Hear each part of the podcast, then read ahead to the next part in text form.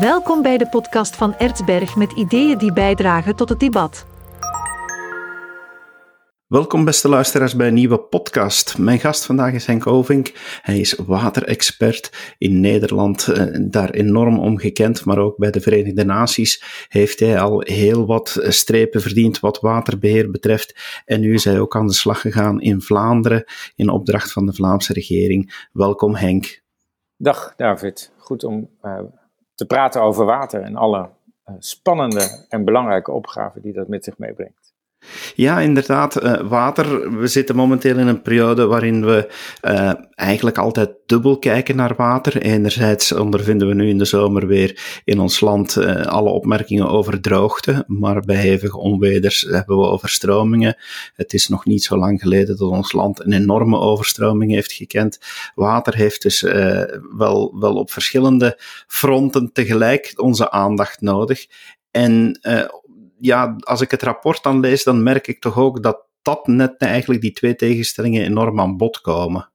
Ja, uh, en, de, die tegenstellingen uh, tussen te veel en te weinig water, en je zou daar eigenlijk nog wel ja, de opgave van de kwaliteit van water bij moeten zetten, uh, dat is heel spannend. Ehm, en dat wordt steeds erger, zien we. een teveel aan water, een overvloed aan water door extreme neerslag eh, maar ook het smelten van gletsjers, rivieroverstromingen, of in ieder geval een hoeveelheid water in eh, de rivieren, zeespiegelstijging, stormen. Echt een combinatie van factoren uh, zorgt er op plekken in de wereld voor dat er in één keer erg veel water is. Dus een concentratie van heel veel water. En tegelijkertijd zien we periodes van droogte niet alleen langer worden, maar ook heviger. Dat betekent dat het uh, daarmee dus en droger wordt, maar ook over een langere periode. Nou, het is wel een verschil van impact. Het resultaat van die twee, uh, twee watergerelateerde events, zou je kunnen zeggen, is wel, wel anders. En de impact van droogte werkt vaak veel langer door voordat je het systeem weer herstelt. We zien uit analyses, blijkt, waar we met de Wereldbank hard aan hebben gewerkt, een rapport wat alweer een tijdje geleden is opgeleverd, dat heet High and Dry. Dat laat zien dat extreme droogte voor een langere periode op plekken voor tien of meer jaren doorwerkt in de economie van uh, de gebieden waar die droogte raakt. Terwijl vaak een overstroming, wat we uh, direct relateren aan te veel water, heeft een onmiddellijke impact. Hè. Het is meteen te veel water. Er gaat ook vaak meteen heel veel kapot uh, aan huizen, infrastructuur, uh, slachtoffers. Um, en die schade kun je herstellen. Uh, en als je dat slim doet, ook nog beter dan de situatie die je had, zodat je ook beter voorbereid bent. En dan kun je weer door. Dus de impact van deze rampen is wereldwijd wel verschillend. Maar ze komen ook steeds vaker tegelijkertijd voor. Dus plekken waar het vroeger alleen heel erg nat was en niet zo vaak droog, zijn nu en nat en droog. Uh, en soms zie je dat zelfs op hetzelfde moment gebeuren. Er zijn nu weer voorbeelden van. Uh, ik kan zelf nog herinneren in Chennai in India, uh, dat de trein met water Chennai werd binnengereden omdat er een gebrek was aan drinkwater. En ik kon het kantoor van de Chief City Commissioner niet uit, omdat het was overstroomd door hevige reg regenval. Nou, dat was een, echt een absurde combinatie van twee uh, zaken. Dus dat zien we wereldwijd steeds vaker gebeuren. In Vlaanderen is er nu gevraagd aan een expertenpanel onder uw leiding om een rapport op te stellen. Ik noemde al uh, dat het. Uh, dat, dat het rapport heel wat zaken vernoemt. Um, ik heb het gelezen en als ik dan zo, zo lees, dan um, ja, valt het mij op dat jullie, dat jullie wel heel doordacht aan de slag zijn gegaan. Niet gewoonweg even een, een aantal uh, feiten op een rijtje hebben gezet, maar ook gaan zoeken naar de mogelijkheden, naar de toekomst. En als ik daar zo'n beetje voor mezelf een, een, etiket mag opplakken, ik als niet-expert, dan, uh, dan lees ik daar voornamelijk in: water moet zijn plaats krijgen. Ja, dat is, dat? Ja, dat is wel een mooi. Ik vind dat een erg mooie samenvatting. Uh, want het gaat er uiteindelijk ook over dat je water waardeert. Hè? Niet alleen fysiek, maar ook in de, de waarde die het heeft voor voedselzekerheid, uh, gezondheid, de natuur, uh, economie. en dat je het dus op alle manieren een plek geeft. Hè? Een plek geeft in je landschap, in je systemen. Want ja, dat moeten we toch, als we naar de wereld kijken, dan hebben we de, uh, de waarde van water wel behoorlijk verontachtzaamd. Uh, en dat zie je terug in de manier hoe we omgaan met ja, de natuur, uh, met rivieren, maar ook met grondwater. in het verleden zagen we, en dat zien we overigens nog steeds hoor, veel, vaak vervuiling. Onze oceanen zijn nou niet echt fris meer. en dat weten we met de verschrikkelijke beelden van vissen die opengesneden worden en die dan vol met plastic en afval zitten. Uh, tot de grote vuilnis, drijvende vuilnisbelten zou je ze eigenlijk wel kunnen noemen, uh, die overal zijn. Nou, dat, de, die kant van water is veronachtzaamd, dat we er maar gewoon alles ingooien uh, waar we geen plek voor weten. Tegelijkertijd, als je kijkt naar de rivieren, zijn, ja, het zijn natuurlijk fantastische, vaak meanderende, bewegende waterstromen. Maar ook ideaal natuurlijk om spullen over te vervoeren. Als je het alleen vanuit een financieel-economisch perspectief, dus efficiënt, dan wil je dat die weg, die waterweg, zo kort mogelijk is. Dus nou, we kanaliseerden en daarmee dachten we dat we dat water ook konden temmen. een gekanaliseerde rivier is geen rivier meer. Sedimenttransport verdwijnt. Tegelijkertijd, als er dan periodes zijn van te veel of te weinig water, dan droogt zo'n rivier op met te weinig of uh, overstroomt die omdat precies dat gekanaliseerde rechten uh, systeem helemaal niet goed om kan gaan met die uh, verschillende extremen. Kortom, en dan uh, gaven we de rivier ook nog minder ruimte, bouwden er steden en andere infrastructuur omheen. dus het veronachtzamen van water en het niet de juiste plek geven in fysiek, in ons landschap, in onze steden maar ook echt in onze economie, in onze samenleving, in de manier waarop we waarderen, afwegingen maken voor investeringen. Daar is water echt veronachtzaam en dat moet echt anders. Want de andere kant is namelijk ook waar. Doe je dat niet, hè, eh, eh veronachtzaam je het niet, kortom, geef je het een waarde en zie je de afhankelijkheden van water met gezondheid, met een gezonde natuur en dus een gezonde leefomgeving met kwaliteit van leven en kwaliteit van de economie en kansen voor ontwikkeling, dan is juist die investering in water, die betaalt zich vele malen uh, terug. Dus dat is het mooie van water en dat is natuurlijk het mooie ook in mijn rol, dat ik daaraan mag werken, is dat je die omkering van dat perspectief geeft water inderdaad een plek in je samenleving, in je landschap en in je afwegingen, eh, economische, eh, ecologische en sociale afwegingen dan krijg je ook echt een betere wereld. Dat is natuurlijk fantastisch, maar dat vraagt wel een omkering en omdenken in de manier uh, ten opzichte van hoe we dat nu doen. Deze podcast wordt u gebracht dankzij Erzberg, uitgever van non-fictieboeken die bijdragen tot het debat.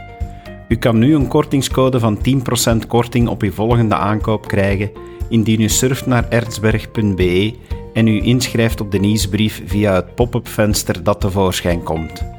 Neem zeker ook eens een kijkje in de online shop van Erzberg en maak gebruik van uw kortingscode.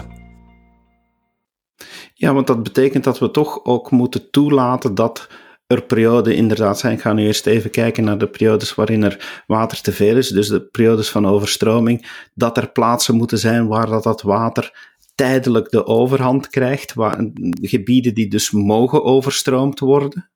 Ja, er zijn natuurlijk, rivieren hebben hun eigen grilligheid. Hè, dus als er te veel water is, waar gaat het dan naartoe? Hè? Het stroomt natuurlijk uh, stroomafwaarts, werkt een rivier. Maar het moet misschien ook uh, dat landschap in kunnen. Uh, en tegelijkertijd moet je het ook leren vasthouden. Als er te veel water is, niet te snel afvoeren, maar gebruik het in je grondwater. en zorg ervoor dat er opslag is voor tijden dat het droger is het systeem in Nederland, uh, maar ook in België, omdat we op het eind van die rivieren zitten, die naar de zee stromen, uh, betekent dat we heel vaak het systeem hebben ingericht op te veel water en er dus voor zorgden dat het goed en snel naar die zee kon.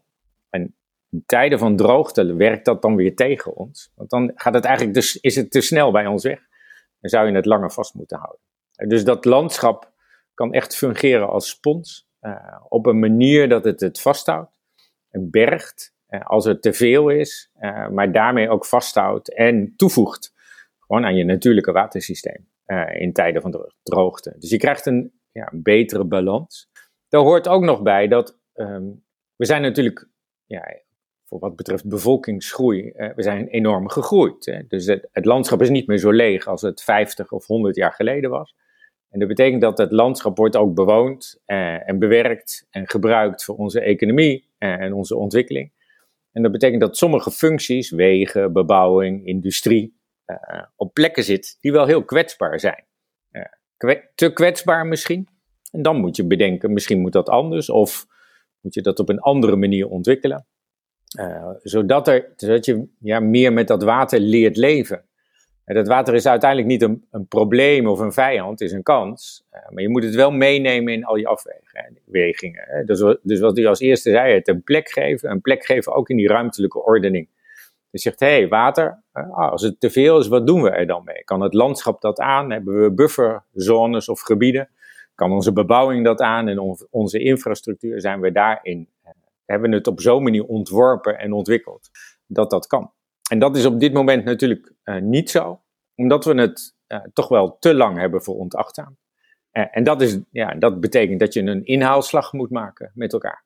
In die inhaalslag is natuurlijk spannend, hè, want je, ehm, je moet opnieuw nadenken over dat wat je hebt ontwikkeld, dus het bestaande gebied. En tegelijkertijd zijn, gelukkig staat Vlaanderen en Nederland en de wereld niet stil zijn we continu ook nieuwe dingen aan het doen. Dus je kunt het eigenlijk bij elke beslissing meenemen.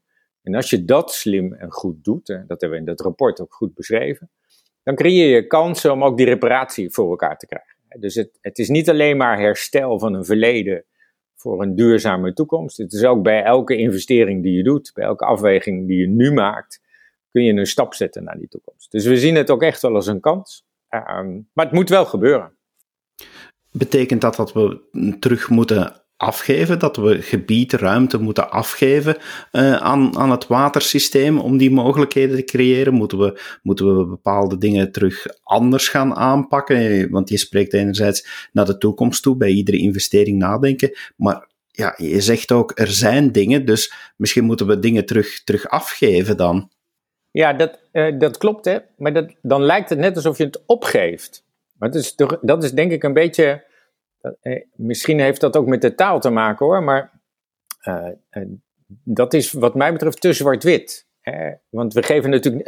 Een, stuk bos is ook niet opgegeven land. Is fantastisch. Natuurgebied, bovendien ook nog geweldig om te recreëren. Een gebied wat kan overstromen, kun je voor allerlei doeleinden gebruiken. Dus het betekent niet dat omdat er je ruimte maakt voor water, dat je er opeens niks meer mee zou kunnen. Hè? Uh, en dat water zelf heeft een functie.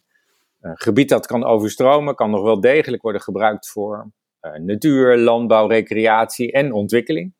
Uh, overstroombaar gebied is, is absoluut niet nutteloos of opeens in onbruik geraakt. Maar we moeten nadenken over dat watersysteem. Hoeveel ruimte heeft het nodig? Hoeveel ruimte moeten we maken om dat water ook vast te kunnen houden?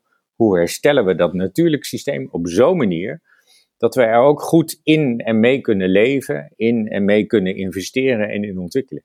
En dat betekent dat je altijd dat meervoudig perspectief moet nemen. Dus niet alleen kijken naar die waterveiligheid en kwaliteit, maar ook naar ontwikkeling, naar biodiversiteit, uh, leefomgeving en kansen voor ontwikkeling en wat we daar moeten doen. Want we, hè, we leven wel met dat water. Het zijn wij wel uh, als mensen die die afweging maken. En dat moeten we slim doen. Maar dingen opgeven suggereert dat je, uh, dat je hele delen van Vlaanderen niet meer zou kunnen gebruiken. Dat is echt onzin. Uh, het is juist dat meervoudig ruimtegebruik op een veel slimmere manier.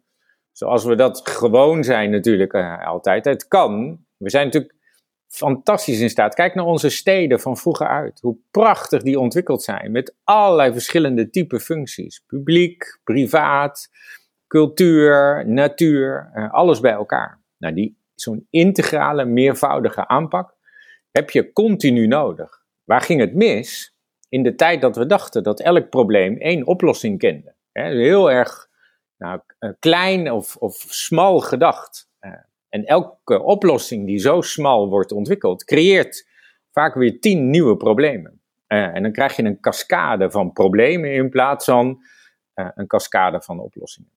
Nou, dat omdraaien, we die integrale blik, kijken naar alle aspecten en op basis daarvan de ontwikkeling zal inderdaad een herstel van de fouten uit het verleden, maar ook kansen voor ontwikkelingen van de toekomst uh, met zich meebrengen. Dat hebben we ook geprobeerd te schetsen. Hè, in het, en daarmee is het ook. We hebben ook in de commissie en met de experts waar we mee hebben gesproken, in, eh, in binnen- en buitenland. Weet je, op het moment dat je zo'n advies aanbiedt, waarin je zegt: Oh, er is niet een, wij noemen dat een silver bullet, hè, er is niet één oplossing. Hè. U heeft een probleem. Hier, als u dit doet, slik deze pil en u bent van al uw problemen af. Zo werkt het niet. Dat het complex is, maakt het wel vaak lastiger. Maar ja, dat heb ik wel geleerd in mijn werk in, eh, over de hele wereld. Die complexiteit is juist een kans. En wat nou het fantastische is, is dat wij als mensen zijn heel goed in staat, als we de tijd nemen om erin te investeren, om met die complexiteit om te gaan en die kansen te benutten. Maar we willen vaak heel snel even een probleempje alsof het een klein smetje op je jas is, eraf vegen en weer door. En dat werkt niet. Hè. Er zijn geen silver bullets, er zijn niet simpele oplossingen voor complexe problemen. Je moet die complexiteit juist omarmen en zien als een kans. En dan, uh, dan gaat het goed. Dat is het hem inderdaad. Hè. Je, moet, je moet het omarmen, je moet een integrale aanpak hebben. Uh, jullie hebben ook aanbevolen om een watercommissaris aan te stellen, om iemand uh, te hebben die, die onafhankelijk van, van de wisselende regeringen, die echt aan een geïntegreerde aanpak werkt, die, die een overzicht houdt. Want zoals je zegt, het is inderdaad complex, maar net door die complexiteit kunnen de problemen ook elkaar wel helpen. Want uiteindelijk, eh, dat heb ik ook begrepen uit het rapport, de uitdaging van wat we noemden de droogte en anderzijds de eh, teveel. Ja, daar, daar zit wel een gemeenschappelijke factor in. Onder andere als je dat water beter gaat vasthouden, als je meer gaat infiltreren, uh, als je dat meer een geïntegreerde aanpak geeft, dan, dan pak je niet één probleem aan, maar dan pak je het hele, het hele complexe probleem, kan je, kan je echt als één geheel van verschillende kanten uit gaan benaderen, had ik toch wel de indruk. Ja, dat heb je, heb je, heeft helemaal goed, uh, David. Uh, juist die integraliteit zorgt ervoor uh, dat er op heel veel vlakken dingen goed gaan. En dat vind ik uiteindelijk het, het fantastisch. Ik ben niet een hydroloog of een watermanager van oorsprong, maar ik heb geleerd door mijn werk over de afgelopen 30 jaar heen, dat het zich altijd wel om water draaide dat water een factor is in de manier hoe we ons organiseren. Om te beginnen omdat het aan alles raakt. Het raakt aan gezondheid, het raakt aan kansen voor ontwikkeling, het raakt aan de natuur, het raakt aan het klimaat, onze infrastructuur. Eh, raakt het dus ook aan de manier hoe we ons organiseren. En op het moment dat je water gebruikt als leidraad voor die organisatie, dus, eh, dan krijg je iedereen aan tafel, al die verschillende belangen. En als je daar langs gaat investeren, zie je ook waardecreatie in al die verschillende sectoren. Hè. We hebben duurzaamheidsdoelen vastgesteld uh, met de Verenigde Naties, alle landen in de wereld, uh, eh, 17. En dat zijn 17 doelen die eigenlijk elk aspect van ons leven raken. Die gaan over de kansen voor, voor vrouwen en kinderen, voor onderwijs, die gaan over sociale ontwikkeling, maar ook over de natuur, de biodiversiteit, de oceanen. Die gaan over onze steden, onze infrastructuur en onze economie, onze banen uh, uh, enzovoort. Hè. Dus die gaan over al die verschillende aspecten. En overal in elk van die verhalen, zou je ze kunnen noemen, elk van die doelstellingen heeft een verhaal. Daar vind je water terug. Als je dus in water investeert, dan zie je dat terugkomen in al die waarden van die samenleving. Dat vind ik zo fantastisch aan water. Dat het zich dus je, kunt er, je kunt er je op organiseren, je kunt er wat aan doen, dit, maar het is heel concreet. En als je dat doet, dan levert dat kansen op voor de meest kwetsbaren eerst, voor vrouwen en kinderen, uh, voor je economie.